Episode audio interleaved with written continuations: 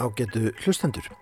Það líður að áramótum og í þessari næst síðustu viðsjá ársins 2021 reyfjum við upp nokkrar þær rattir sem að komu við sögu í þáttunum á áranu.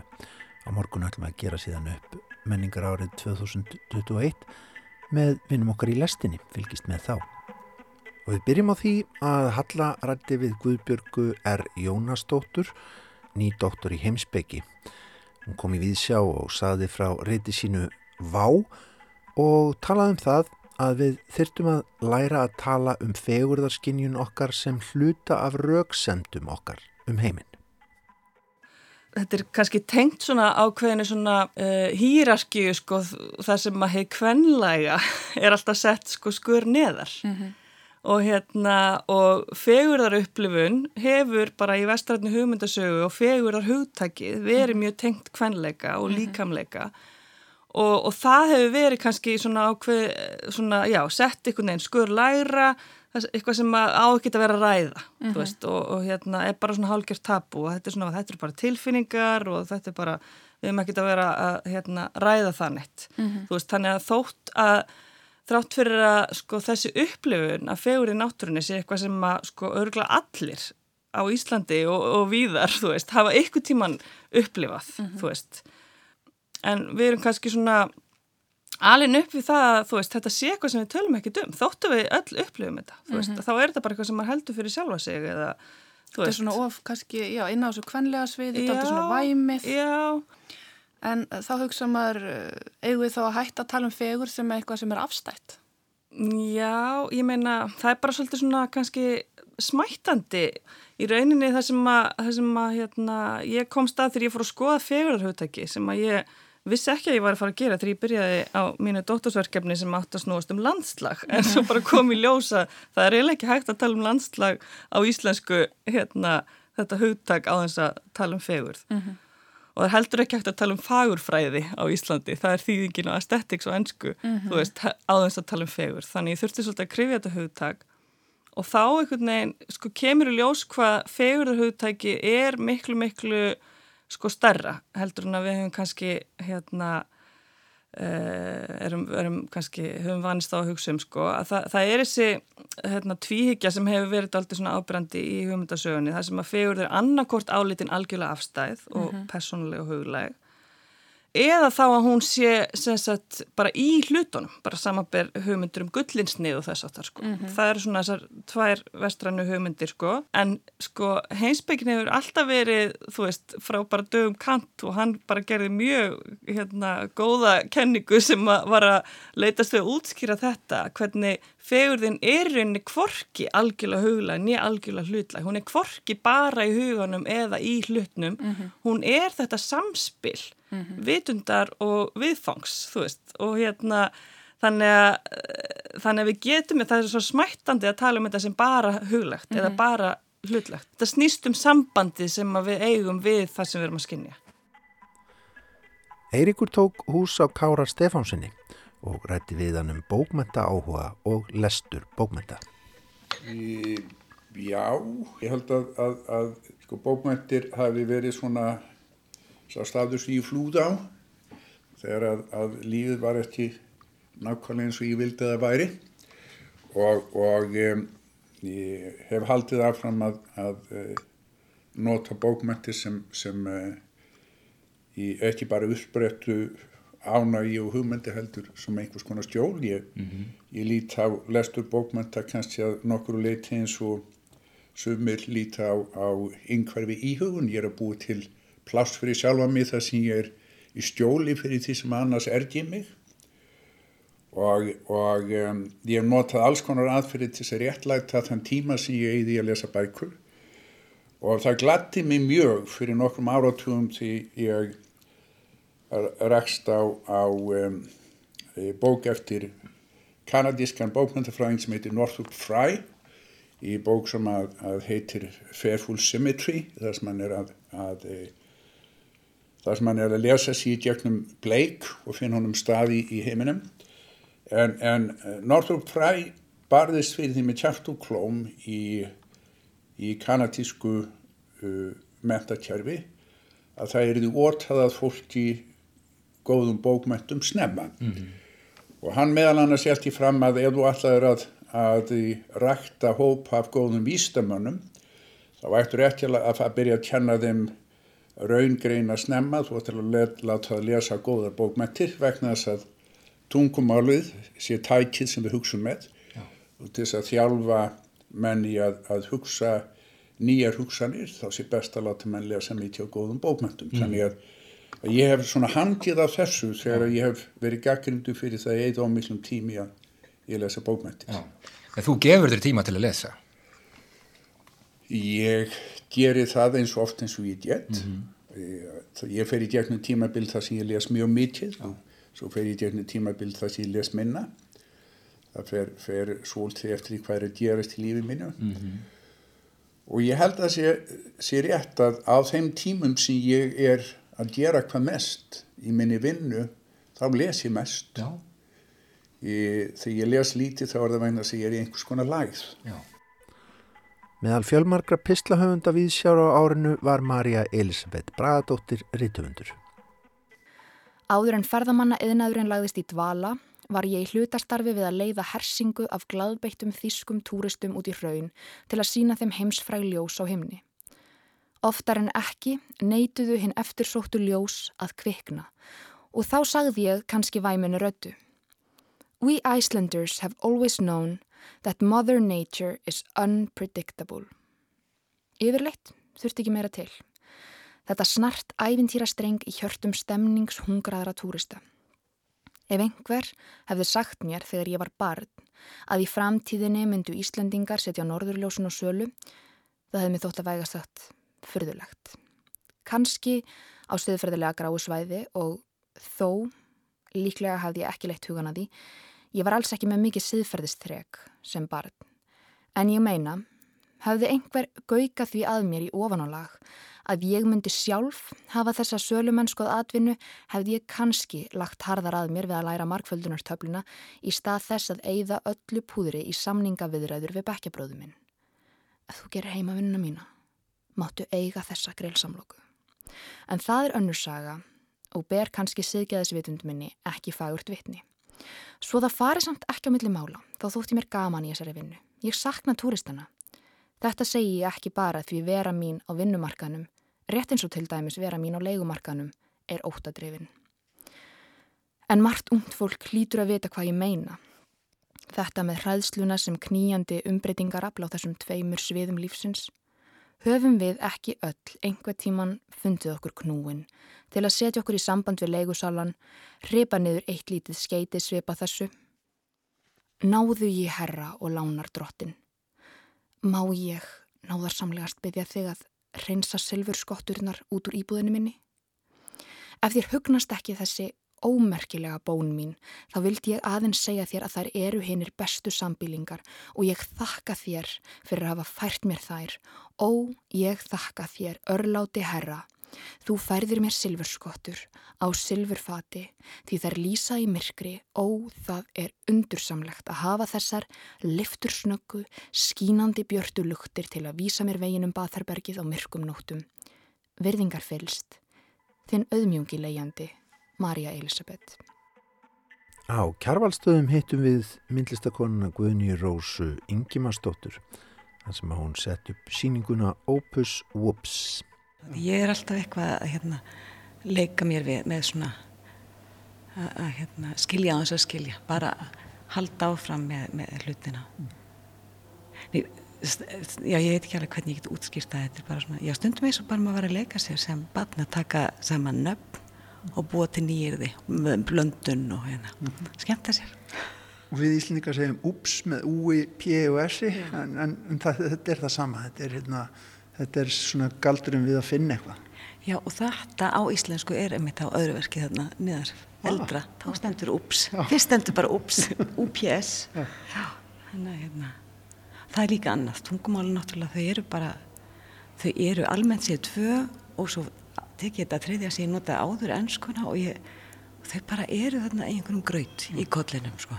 Og þau koma oft inn í, það eru textar í verkunum sumum. Þau koma í rauninni alveg eins og bara línan. Ég er kannski bara að vinna og svo stend ég upp og fyrir rítvilinu og skrái eina. Þannig að þau eru bara stöðugt að og jáfnvel eins og þetta sé sko samtal bara hvort sem það er við, við hérna, pappirinn, við, við litin eða bara við lífið almennt. Ég spjalla stundum, svona stundarátt og, og, og það er bara að koma, setningan þar.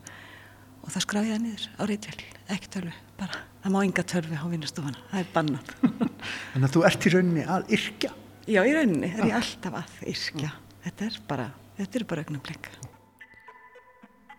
Við rættum við Kristínu Jóhannesdóttur leikstjóra um leikverkið Sölumadur Deyr eftir Artur Miller. Við erum að horfa á þessa tragedíu eh, hins venjulega manns eins og hérna Miller eh, kallaði þetta verk sjálfur. Og þetta er eitthvað sem er í gangi núna, við erum að lesa um þetta hverjum einasta degi í blöðunum. Mm -hmm. uh, við gerðum það líka reyndar sko uh, við, í hruninu og eftir hrun þá var það okkur ljóst að við höfum lifað í ótrúlegum blekkingar heimi uh, hérna einhverja markaðslögmála. Að markaðurinn myndi bara bjarg okkur, það væri sjálfu sér miljón dólar að hugmynd. Mm -hmm eh, síðan bara missa menn fótana, missa allt sitt, eh, eru ófærir um að skaffa, eh, ófærir um að vera fyrirvinnur og hérna heimurinn hrínur. Þannig að Vili Lóman hann er, hann er enn á miðalvor. Uh, Vili Lóman er bara hér í öðru hverju húsi og nú er það bara hinn vennilegu maður, það er, er ekki einhverjar stórar fjármála hetjur eða konungar grísku harmleikjana heldur bara sagt, hérna, þessar uh, klassísku hugmyndir um, um, um meðalmann sem að dreymir það að sko hérna vinna í lotteríun eða mm. eitthvað eða fá einhverja brjálagslega flotta hugmynd. He kills himself because he realizes he's more valuable dead than alive or some other reason. He wants to give of himself. He wants to dedicate himself He wants to pour out his love for his son. And in his circumstances, he knows there's no way in this life to do that.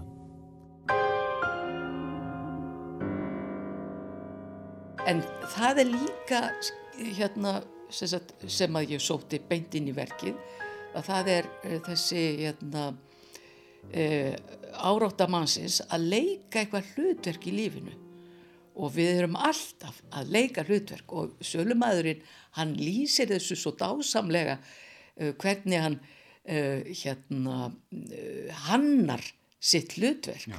það er að segja að hann verður að klæðast ákveðin átt, hann verður að tala ákveðin átt, hann verður að segja ákveðina sögur, hann verður að gera litla hluti til þess að heitla fólki kringum sig mm. þetta er náttúrulega bara hlutverk leikarans Og Eiríkur var skiljanlega með hugan við þetta einhver tíman þarna á fyrirluta ás. En ágættu hlustendur, ég hafði eiginlega hugsað mér að tala að gefnu tilefni um jarðfræði og bókmyndir í dag um kvikuganga, flekaskil og langam tíma og það sem sapnast upp og springur síðan út í miklu gósi.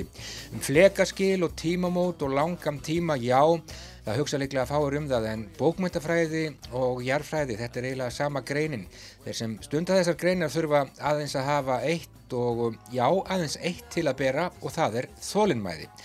Tökum dæmi, eldgósafræðingar eigða æfinni í það að rifja upp gömul eldgós á sögulegum og forsögulegum tímum, gós sem þeir hafa bara lesið um á bókum og auðvitað býða eftir næsta gósi það getur tekið langan tíma.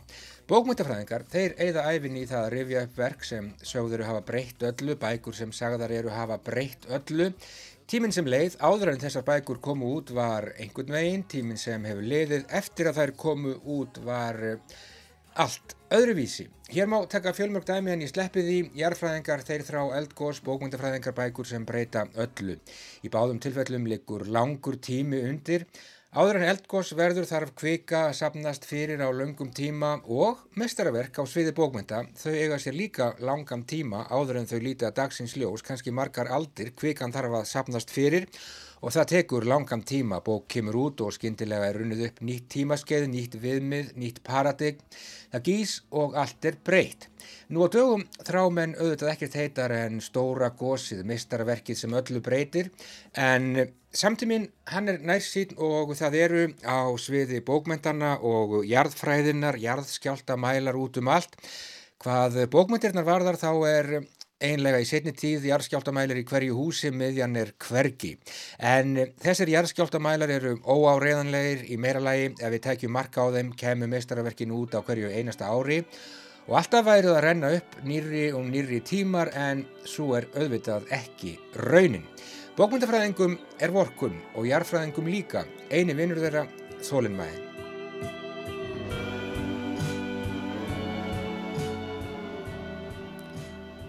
Og annur pistla rött hjá okkur í viðsjá á árunu var skáldkonan Ditta sem var með hugan við haminguna strax í sinum fyrsta pistli. Shadows are falling and I'm running out of breath.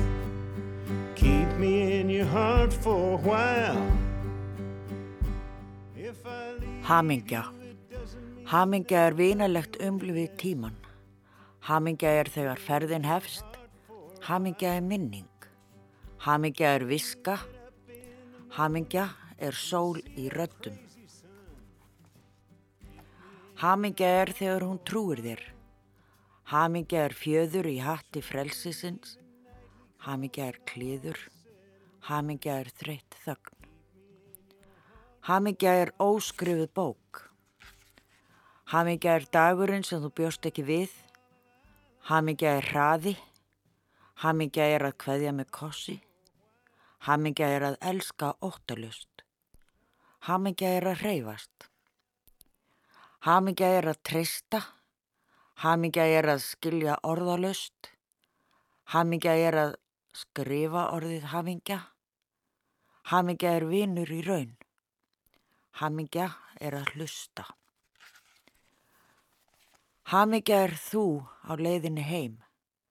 Hamingja er rík í horni. Hamingja að mætast á miðri leið. Hamingja er að styðja. Hamingja er að syngja saman. Hamingja er náma. Hamingja er sund.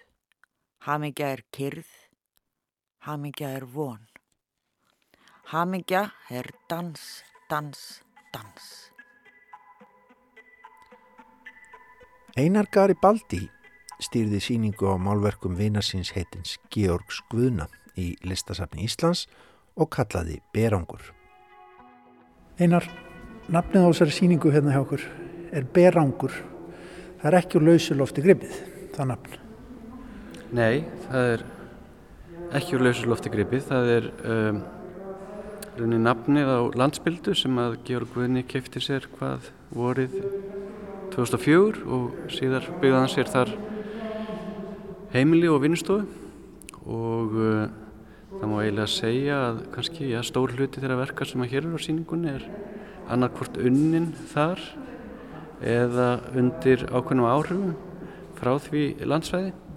Og það má kannski líka kannski eitthvað liti segja að, að, að það rammið þetta svolítið vel inn því að mörgu liti má segja kannski að, að þessi landspilda hafi kannski verið hans síðasta landslagsmynd, það er oft einhvern veginn og sjá ekki á milli hvort hafi komið undan sko, landsbildan eða, eða myndin uh, af þeirri náttúru og, og náttúrun einmitt sko, ef maður kemur á berangur þá er hún í rauninni uh, ótrúlega lík þeirri svona þeim staðáttum sem maður þekkir uh, úr svona kannski eld, eldri, eldri verkum gjörskoðina þannig að þetta svona hangir, hangir svona svolítið saman, saman á því Hvar er Berangur? Hvar erum við á landinu?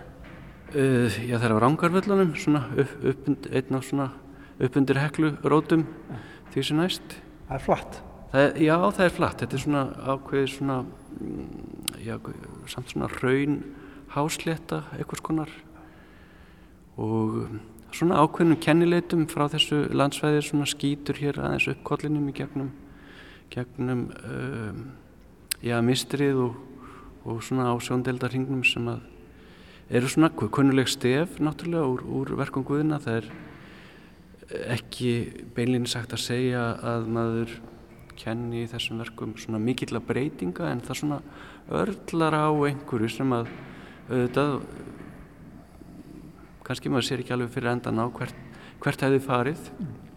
En uh, það er svona kannski örlítið meiri efniskend í þessum verkum, örlítið svona stríðari kannski málningar aðferðin mm.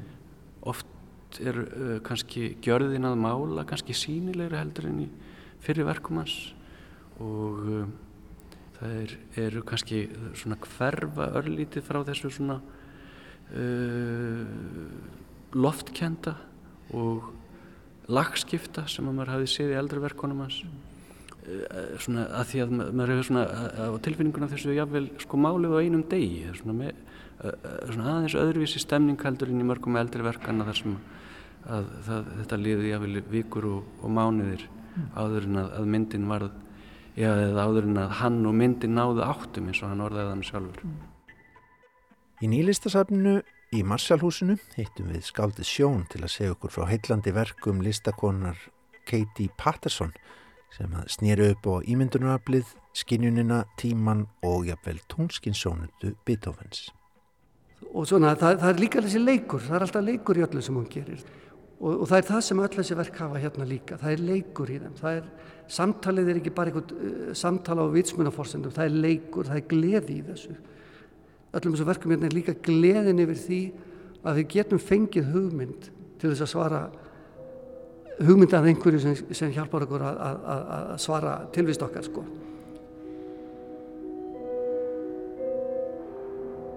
Það er ekki bara maðurinn sem er forgengilegur, það er hérna alveg stórkoslegt og vissanátt hrollveikjandi verk sem að uh, lætur ekki mikið yfir sér frekar en flest verkana hérna þau, þau eru all frekar mínimalísk og, og, og einföld í útfærslu. Og hér eru við stöndum við anspænis uh, uh, svartum fleka með miklum fjölda agnar smarra depla. Og þetta er næturhiminin, þetta er himinin eins og hann er séður frá jörðinni og hver einasti debill táknar stjörnu sem hefur sloknað á þeim tíma sem að verkið er, er, er, er framkvæmt. Er þetta, þetta er stjörnur sem hafðu verið e, skrásettar maðurinn hefði tekið eftir en sem hafa sloknað og við vitum náttúrulega með hverji stjörnum sem sloknar þá, þá hverfur sól og, og, og mögulega heil, heimur af vitibornum verum sem voru að horfa tilbaka og allavega er þetta áminningum það að það er ekki bara mannsins líf sem sloknar heldur heilu, heilu sólirnar Þarna fórst eila alveg með mig þess að þú vorst að tala um þann að það væri huggun í þessu mörgum þessum verkum en núna bara wow, fjallaðin saman hérna núna Já. við þessa tilhugsun. Já, þannig að þetta er um Katie og eigum ekki bara að, enda kannski hér á ábúrslega fallegri lítilli hugmynd úr hugmyndabókinni. Nú, hvort aðeins með okkur tilbaka. Já, það er litasett úr fyrstu lítum jarðarinnar. Takk kella fyrir að segja mér frá Kitty. Takk fyrir mig.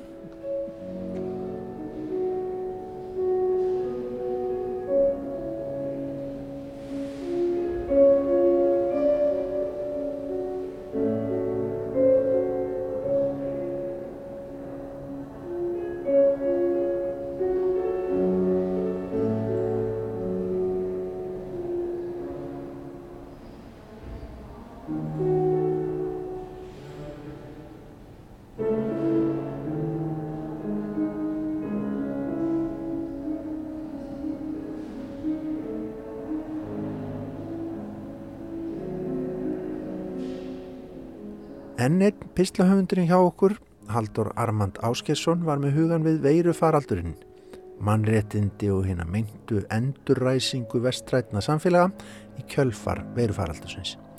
Og hann saði meðal annars þetta.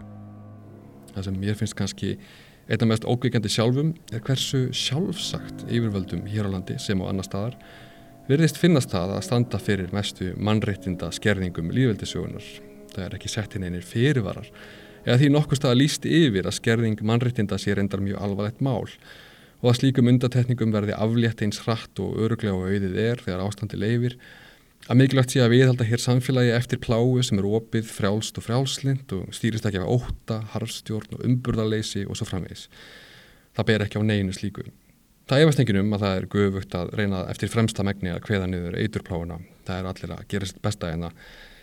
En það þarf líka að hafa í huga að frjálslind og opinn samfélög eru ekki frjálslind og opinn vegna þess að það er hveðið ám það í lögum. Heldur vegna þess að það er kúltúr og hefð fyrir því að þau séu opinn og frjáls. Kúltúr og hefð sem síðan kristallast í lögunum sem þau setja sjálfum sér. Þess vegna er ekki aðeins hægt að horfa þetta mál sem eitt einstakt tilvik, heldur þarf að sjá það sem hluta af stærra samhengi og lengri sögum, þar sem nýtt fordæmi hefur verið sett. Og hver veit svo hvernig það verður nýtt í framtíðinni, já hinni endur restu framtíð, þar sem við eigum ekki neitt og erum hafmyggisum. Það skildi þó ekki vera að þetta verð ekki bara framtíðin sem við fáum, heldur líka svo sem við viljum.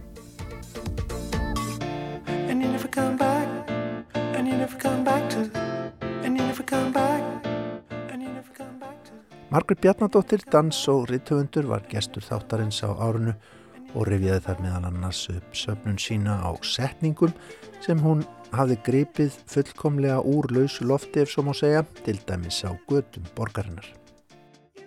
Já, sko fyrsta, fyrsti frasin sem ég heyrði var einmitt 2009 þá var ég að ganga niður skólaverustígin og þetta var svona í ljósaskiptunum og það sátu svona tvær konur á bekk og ég var bara að ganga fram hjá bekknum og svo bara svona skýst út í þessi setning skýst hérna út og ég bara komst ekki tjá því að heyra hana. Það var ekki, ég var ekki að hlera, ég var bara að ganga fram hjá en þá kemur þarna setningin eða bara skilja hann eftir í grefi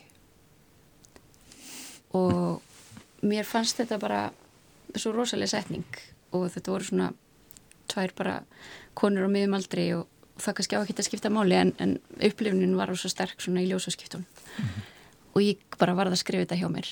Svo man ég ekki hver næsta setning var en bara þetta bara varðað einhverju svona þráheggi eða svona áráttu mm og ég skráði, ég var alltaf bara með litla vasabók og ég var með alls konar svona reglur fyrir sjálfa mig, þú veist að ég mátti ekki, þú veist, sitja á kaffihúsi og vera bara hlera næsta borð og grýpa setningar þannig heldur var það alltaf annar aðilinn að vera á hreyfingu þannig að eins og þær sátt á bekk, ég gekk fram hjá eða ég sæti á kaffehúsu og einhver gengi fram hjá eða. en ég vilja þú verður bara orða á götu og, og ég var líka með þá reglu að þú veist, grýpa ekkit af djamminu tók einhver sætningar e, þannig að ég, hérna það var bara svona lítill leikur sem ég átti með sjálfur mér. En svo var þetta bara orðið daldi stórt sapn, en ég ákvaði að gefa þetta út sko alveg bara fjórum árum eftir að ég skráði skráðsætti síðustu fæsluna mm. sem var 2013 en þetta, mér finnst þetta bara þetta er eitthvað svona, að vissu leiti eitthvað svona frumkraftur, að því að þetta er bara algjörlega rátt, beint úr samfélaginu algjörlega, þú veist, óreit skoða nema náttúrulega bara í heila manneskunar sem sagði setninguna og svona setningar sem bara eitthvað segja bara svo mikið um okkur sem manneskjur mm. þetta er svona eitthvað mósæk af því Í Hamraborgi í Kóbói saði myndlistamæðurinn Sigurður Alli Sigursson okkur frá Ufsilon Gallery sem þar er nú haldið úti í yfirgefinni bensinstöð. Já, það er hérna, þetta var nú bara eitthvað svona uh, andrúrslótið held ég sem að heitlaði mig upprunlega. Það var hérna, þegar það var hérna bensinstöð og shoppa þá kom ég oftinga bara svona að mér leiði eins og ég var í útlandum sko. Man líður eins og maður sé í, í Stórborg þegar maður er einna svolítið svona góð tilfinning sko og en þetta svona, þetta myndir mér líka alltaf á sko Nighthawks hérna Edward Toppers. Já, myndina fræðu Já, sem er sem er reyndar, það er svona kvölddænir en það er þetta sama svona gegnsægi það er svona hortinu gluggana hortinu gluggana og gegn á eitthvað svona algjört sko borgarlandslag. Já. Það er eitthvað heillandi við þetta. Já, ég sá alltaf fyrir mér eitthvað skúldur á þann inni sko hvernig er það svo vel einmitt. En hvernig er þá sko með eignarhaldið á þessu hvernig hérna, talið þið við bæin eða hvernig er það? Nei, við bara hefum samband við Ólís og þeir ákvaði bara að lána okkur rýmið í halvt ár okay. þannig að það var, þeim leist svo vel á þetta og hérna, það var ótrúlega gott og bara skemmtilegt samtal sem við áttum sko og þá var þetta náttúrulega ennþá bara, þá voru hérna límfilmur á öllum glöggum og og innréttingar sko úr, úr bensinstöðinni bara margt upprunalegt sko frá bara 72 Já, nú meðum við gera fyrir það hefur verið að keira hérna inn fram og nei, nei, það sé kannski að vera að taka bensin, já hér er nefnilega ennþá, ennþá bensindæla það er ekki búið að loka fyrir. Nei, nei, þetta er hérna ódýrasta bensinni á svæðinu. Þetta er á Costco verði hérna. Já. Dalrún Eigerðardóttir saði höllu frá rannsóknum sínum og skrifum um skignar konur á 20. öld og bókmentum sem að spruttu upp í kringum líf og störf þeirra. Hér er á ferðinu konur sem að uh, voru tilhörði yfirleitt lægri eða lægri miðstjætt, uh, voru oftast ómentaðar, þetta voru húsmaður, verkakonur sem enga síður höfðu ákveðin völd í samfélaginu og sterka ímynd og þetta voru konur sem voru að, eh, sem sagt, urðu frægar, jú, ekki síst sögum þess að þessi bókmyndahefð sem sagt þróast í kringum skigna íslettinga, þá fyrst og fremst fyrir tilstöðlan átrúenda þeirra eh, sem skrifið um líf þeirra og dölsýnir og var í blóma á 7. til 9. áratugurins. Og eins og kemur fram í þessum bókmyndum þá voru sagt, skiknarkonur í gegnum miðilstörf sín að skipta sér af ymsum þjóðþrjá málum. Þar voru að skipta sér á pólitíkíslitinga, trúarmálum, á ofinbörum vettvangi. Þar voru að skipta sér á hilsufarsmáli íslitinga, svo sem í gegnum huglætningar eða andlega lækningar. Þannig að þetta er stór merkilegt að sjá að þarna sprettur fram atvinnustjætt að, að þarna séu konur á þessum trúarlega atvinnuvettvangi jafn viðar körlum mm -hmm. Og þannig að þar, ég tala um þar í rauninni sem svona endurborna völvustjætt uh, því að þarna uh, kemur ákveðin hvenna starfstjætt fram þar sem konur hafa rými, tjáningarými á ofinbera vettvangnum og vægi, hvort sem fólk trúðum eður ei, mm -hmm. þá ljómiður rættið þeirra á ofinbera söðinu mm -hmm. Sem er mjög áhugavert og hvort sem það var í, í þjættsetnum herbergjum, fundarsölum, í viðtalsgreinum eða þessum bókmyndum sem ég nefndi á þann og þá tjáðu konur sig og þar höfðu rými til að skapa og ekki síst afla sér tekna með þessum hugverkum sínum. Þegar við skoðum samsýningu í Hafnarfyrði sem hétt Samfélagsginjandi vera, hittum við meðal annars myndlistakonuna Melanie Ubaldo inn í gildu neyðarskíli. Sko ég er að smíða hús sem er sem sagt einfalda skýringin verið þannig að þetta eru sem sagt svona emergency shelters okay. og er sem sagt komin úr svona ágveðin katalógu frá mm -hmm. samíðu þjóðina sjálfur. Þetta er sem sagt rétt réttri stærðin og já, allt sko sem já. ég fylgdi þá. Nefnum þau eru ekki gulli? Nei. Nei. Og þann er hún þakkið að ég vel innan og utan með þessum svo kalla neyðarteppum, eða svona emergency blankets mm -hmm. sem er nú þegar mjög svona ubiquitous mm -hmm. um í sambandi með þetta the refugee crisis og allt kringum það. Já og ef þetta er ég að tala frá ákveðin svona forréttinda stöðu ja. að vera svona mjög safe hér á Íslandi eða eitthvað mm. þannig að þetta er mjög svona það er eins og ég sé alltaf að tala um eggshots þegar ég er að bjalla um verkið mm. Þannig það verður þannig og þann eru auðvitað það kemur séðan á gólfinu svona skelljasandur Já, já. Og má maður síðan þegar þetta verður allt tilbúið að má koma inn? Sko, og má vera hér inni. Og við það er nú þegar heit hérna inni þannig að fyrir fleiri sem kemur inn það enda mér að hita myndast. Já. Sko bara af því að eins og þú segir út að tala úr ákveðinu forréttundastöðu er, er þetta að hugsa um einhverja ákveðna neyð? Er þetta, hérna, þetta er neyðaskíli frá, frá einhverja ákveðinu er þetta að hugsa þetta inn í ég menna erum við að hugsa um flóttamenn erlendis eða eru við að hugsa um neyð bara mannkynsins alls? Það er bara symbolik hús sem er hægt að lesa og allskens átum sko. Já, þú ætlar ekki að lesa neitt meiri það fyrir mig? Nei. En, en hvernig svona, hérna, það að tengja þetta stærð og, og, hérna, og svona lögun út í heim, Já. það sem þetta er til, myna, það, það er ákveðin sögn í því? Jú, að... ég minna eftir allt þetta þá veit ég hvað kostar að byggja svona hús Já. og þetta er með svona minnstagerðin, þetta er svona fjóra sinum þrýr, tólf fermetra, mm -hmm. ég meina þetta kostar ekkert að smíða þannig hús og svo er bara ég veit þetta heitir svona einhvers konar niðarskili en samt sem að fólk lifir í þessu húsum Víða? viða Já, og kalla það húsið sitt og þetta er bara þetta á að vera í neyði sko. svona bara bráðabyrgði en fólk skapar lifið sitt í þessum Í þessum húsum. í þessum húsum Og við rættum við Má Jónsson um galdra og galdramál fyrir á öldum sem auðvitað voru oftar en ekki tengt óútskýrðum veikindum.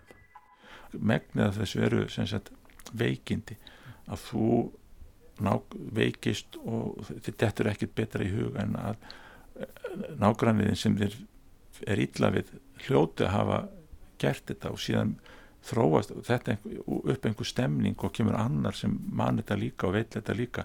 Og það eru lýsingar þarna til dæmis að mjög stert mál í, í, við Ísafjörðardjúp um 1660 að það er verið að rýfast út af hundi og, og, og nákvæmlega tvíbíli og þröng húsakynnu þetta og síðan er bara, fer fólk að hafa í hótunum og kallin segir já með einhverjum mjög óljósu orðarlag um barn, nákvæmlega konunar svo fer hann og einmaðurinn og daginn eftir hálf lamast barnið og, og deyr sko. Hvað dettur þér í hug? Það er bara augljóst þessi sami maður var með einhverjum dilgjur við prestin bánuði setna veikist presturinn og þreymugum eftir það deyran Hvað, sko, það er svona þessi, þessi lógík í samfélaginu ég held nú að þetta hafi einhvern veginn horfið sko Já. þess svona ásakanir það eru svona sagnir, galdramenn verða svona skemmtir og er ykkur í voks og söm sko, sem ánum hafa verið upp á 17. aldar eða var það mynda svona sögsagnir þetta er allt svona í þetta er ekki þessi sama ílska eða, eða sama, sama ó, ó, óþægindi sem greinilega voru á 17. aldinu þannig að hugar, hugar hefur breytst eitthvað þýliti til en það er þarna uh, Gísli Baldur uh, Robertsson og þjóðskjálasafni fann þarna fyrir mig dóm, fann fyrir dóm uh, málaferð, uh, yfirherslu í skálaskóla 1772 það sem einn stúdendin svona galdaralofts típa sko, er, er að ljúa í hina sko, með alls konar svona og þeir eru að láta að sapna rapsfjöðrum og, og gera eitthvað svona og þannig að það, þetta er allt svona frekar hvað við segja sakleisísleira sko á, á 17. aldar og er náttúrulega þessi það er einhver ógn yfir þessu sem held ég að, að megi segja að bara dvíni og gufu upp hverfur þetta sko, að, að trúa að einhver geti gert eitthvað svona held ég að sé nú samt hafi haldið áfram sko Einhver tíman í sumar hitti Eiríkur Hrafnildi Arnardóttur, sem er betur þekkt sem sjóplifter, í menningarhúsnaði sem hún var þá að standsetja í gömlum kartablugemslum uppi við Ártúnsbrekku. Þetta gengur rosa vel og veistu það, það er svo mikið gleði sem fylgir því að, að hérna, finna áfangastað fyrir þetta verk Já. til frambúðar og Íslandi. Það var svona draumur minn að, að vera ekki að fara á flandur með þetta út um allan heimins og, og bóðið, það var búið að bjóða mér að vera með þetta hér og þar og, og ég bara er svo mikið ísendingur í mér að mér fannst bara verki eiga heima hér. Þetta er íslenskt verk, hamir með hljóðmyndina og svo finn ég þetta jarðhísi hérna sem að kartaflageimslunar gömlu eru og elliðardalurinn sem ég elska og sama bara innanmál og í fennheim og, mm -hmm. Og bogaþakk, ég veit svolítið mikið fyrir sko, bogaþakk, ég hugsa ekki mikið inn í kassan. Braggaform? Braggaformið er náttúrulega bara, já, dásamlegt já. og hérna, og verki passar æðislega hérna inn. Já. Þetta er svona eins og faran í jörðina mm -hmm. og mér langar að þetta verði áningarstaður og samverustaður þar sem fólk getur hist og verið svona í náttúrunni miður Reykjavík. Já, bara slakað á slakað á í náttúru og yfir náttúrunni minni. En þú vilt að verkið sé hér? Ég vil að verkið sé. Til frambúðar? Já, ég er búin að ganga með það hugmynd í maganum síðan að verkið hérna var tekið niður í lissanir Reykjavíkur. Já. Þá sett ég það í gám, 40 feta gám og það, það beinir á höfn eftir að fara út í heim í Viking en svo bara uh, fekk ég alltaf sterkar og sterkari tilfinningu fyrir því að kannski ætti verkið bara að vera svona, þú veist, verk til frambúðar á Já, Íslandi okay. og vera svona pínu Uh, já, bara af því að ég fann svo rosalega mikla ánægju og áhuga á því að vera í verkinu aftur og aftur líka. Já. Man setur kannski ekki upp síningu til frambúða nema maður treystinni til þess að taka á móti fólki svolítið lengi. Mm -hmm, nákvæmlega. Uh, já, þetta var í listasafni Reykjavíkur og mér skilst nú bara að þetta hafi verið einn alvinsalesta síning sem að þar hefur verið sett upp. Ég frétta Mér er sagt því. það. Ég frétta því. Ég held að Reykjavíkaborg og, og, og hérna, lista Reykjavíkur hafi ekki verið neitt sérstaklega óanætt með uh, aðsóknina sem Nei. að ég held að hafi slegið öll met og, og, og þurfti að hlaupa upp til handa og fóta að hérna, taka á mót allir þessum gestum. Og við rættum ítalega við Viking Heiðar Ólafsson um plötuna Mozart og samtímamennar hans sem kom út á árunu. Hann er nefnilega áhugaverðið Mozart og stórkostlegi Mozart og ég myndi kannski segja 90% af þeim Mozart sem við heyrum á tónleikum í dag er Mozart sem er orðin fullorðin og það er eiginlega Mozart síðustu tíu árana sko þegar hann fer frá því að vera einhvern veginn hann er hann 25 ára þegar alltaf platan mín hefst cirka bát og hann deyr nú bara 35 ára. En þessi tíu ár eru ótrúleg. Þetta er einhver mögnuðustu tíu ár sem hann okkur tónskáld hefur bara átt og alveg sambarilega við sko stóru stökkin hjá Beethoven. Að mínu viti sko. E, það sem er áhugavert við Mozart er þessi kvörf sem að verða í lífans þannig um svona miðjan þrítuggsaldurinn þegar hann einhvern veginn lendir einhvern veginn í öllu á sama tíma. Hann lendir í því að missa móður sína. Þá er hann 20, held ég 20 ára 1778 og svo einhvern veginn hefst baráttan bæði fyrir tilvistarétti sínum bæði sko í listinni en líka bara persónlegum tilvistarétti sínum og persónlegu frelsi. Og það er einhvern veginn tókast á jónum þetta sko að, að sko, sambandans við föður hans Leopold Mozart sem er afskaplega að mörguleiti flókið og hann er náttúrulega mínu viti svona frekar óviðkunnanlegur uppalandi hann Leopold. Ótrúlega sjálfkverfur maður með mikla eiginhagsmunni og með ólíkindum að lesa sem brefin á melli herra þeðga baráttan einhvern veginn til að losna undan, undan honum, undan oki hans og fá að giftast ástunni sinni Konstansu Weber sem að náði nú að endanum í algjöru óþökk pappans. Uh, og svo í rauninni baráttan að skilgrina sig upp á nýtt að vera ekki lengur undrabarnana, vera ekki barn guðana, vera allt í nú 25 ára.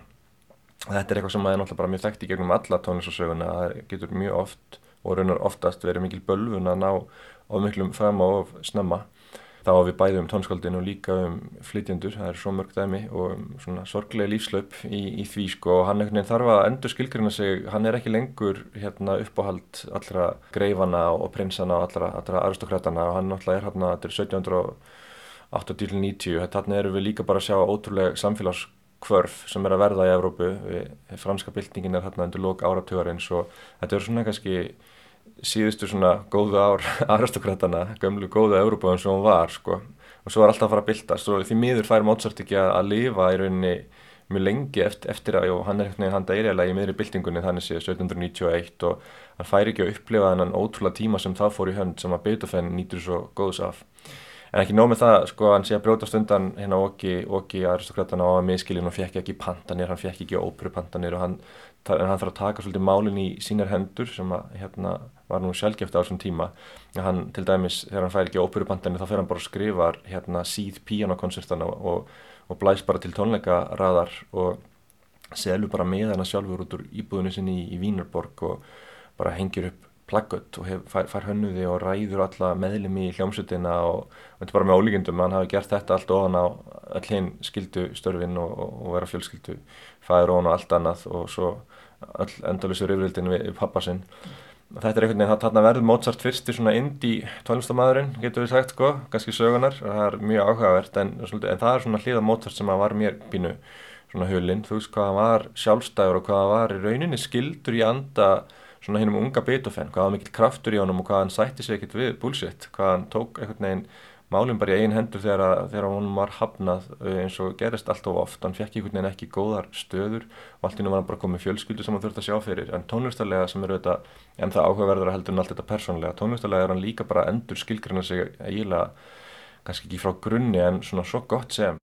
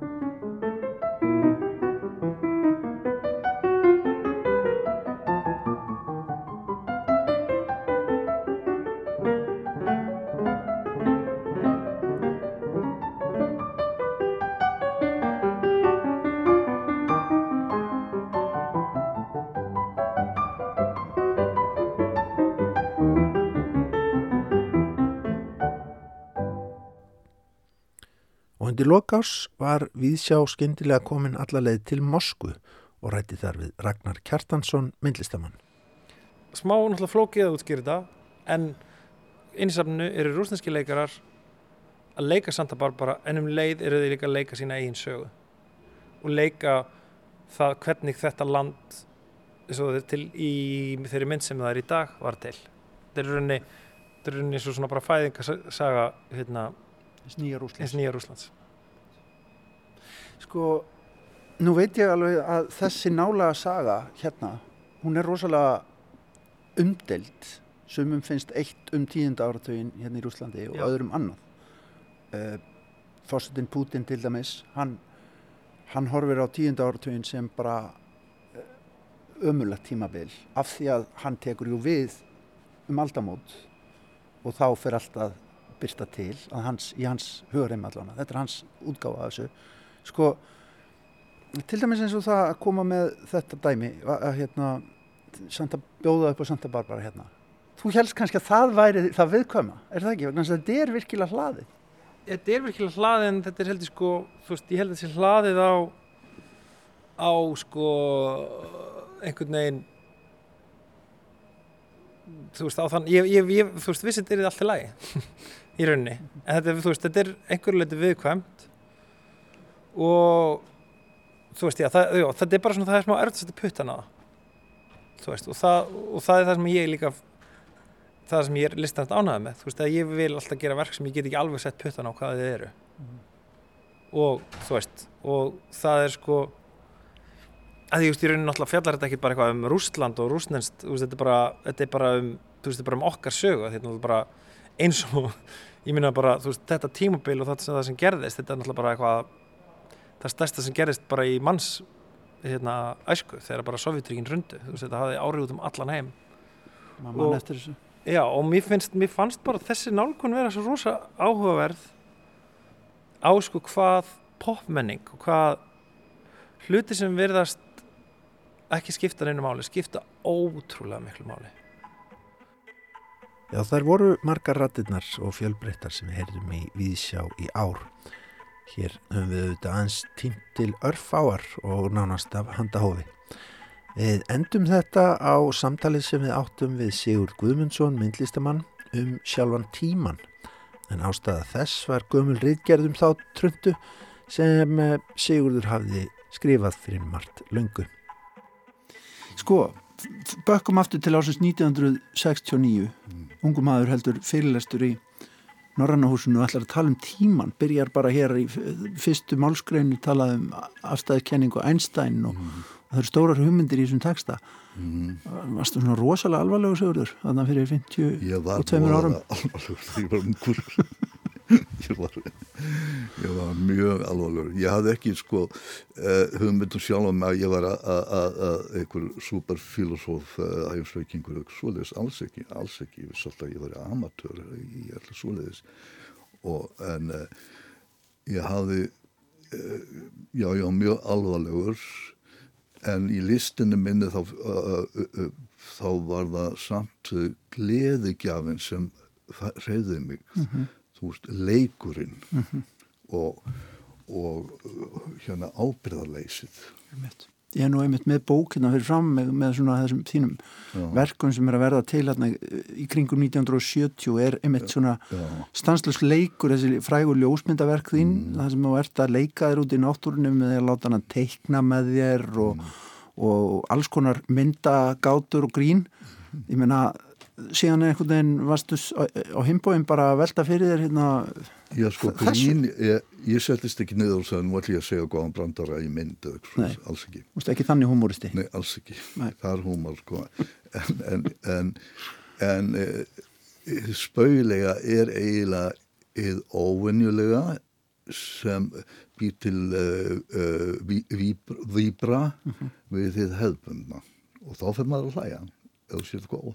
Ég hef hleið mig gegnum uh, nútíma, uh, samtímalistina alveg þegar uh, kynntist Joseph Beuys þá bara greti ég að hlátri og hló mig inn í verkinar Já. og, og, og elska þau og það og það þá skellur á eitthvað sjónhinnunan mína svona eitthvað, eitthvað mynd, eitthvað verk sem er svo skemmtilega á skjön við það sem maður á von á Já. og þá kemur hlátur Já. og þessi hlátur hann reyfið inn í á meðan hláturinn í brandar, þetta er mín skýring mm -hmm. meðan hláturinn í brandarnum er mjög skemmtilega líka og þú hlærð, hann reyfir þig ekki neitt samt, mm -hmm. þú hlærð hann út úr þeirru leið þetta er meismunum á þessum Já. en ég uh, sað alltaf að í gammal daga hvert einasta verk sem ég geri er, er blindgata leiður ekki til annara gödum ég held að, að skapa það, það er ekki að list að skapa er, er e, einalega lífsins bara fyrir alla. Skapa. Og þér hefur fundist það gaman? Ha? þér hefur fundist það gaman? Mér hefur fundist það svona lífsnöðsin já. Hvort sem það var loaklapp eða ekki. Oft erfitt, já ég hristi, eh, það er ekki mörg millistöðarkvöldum sem ég hrist út á önnunni, nei þetta hefur komið svona í, í svona einhverjum uh, kendarskellum á mig já. og þá gengi með í huganum og, og, og, og svo og passa maður að teikna ekkit eða skrifa ekkit nýður og svona og svo fæl ég kannski að punta eitthvað nýður sem, uh, sem harmonera við þessa tilfinningu þessa, sem verkið verður semnilega og uh, já þannig er nú það mm. Ágættu hlustundur á morgun ætlum við að gera upp menningar árið 2021 með vinnum okkar í lestinni í tvöföldum þætti sem að verður í útverfinu millir 4 og 6 fylgist með þá en Við sjá Óskar hlustendum sínum gleðilegs nýs árs og fríðarum alla framtíð. Takk fyrir samfélgina á árunum sem er að líða. Verðið sæl.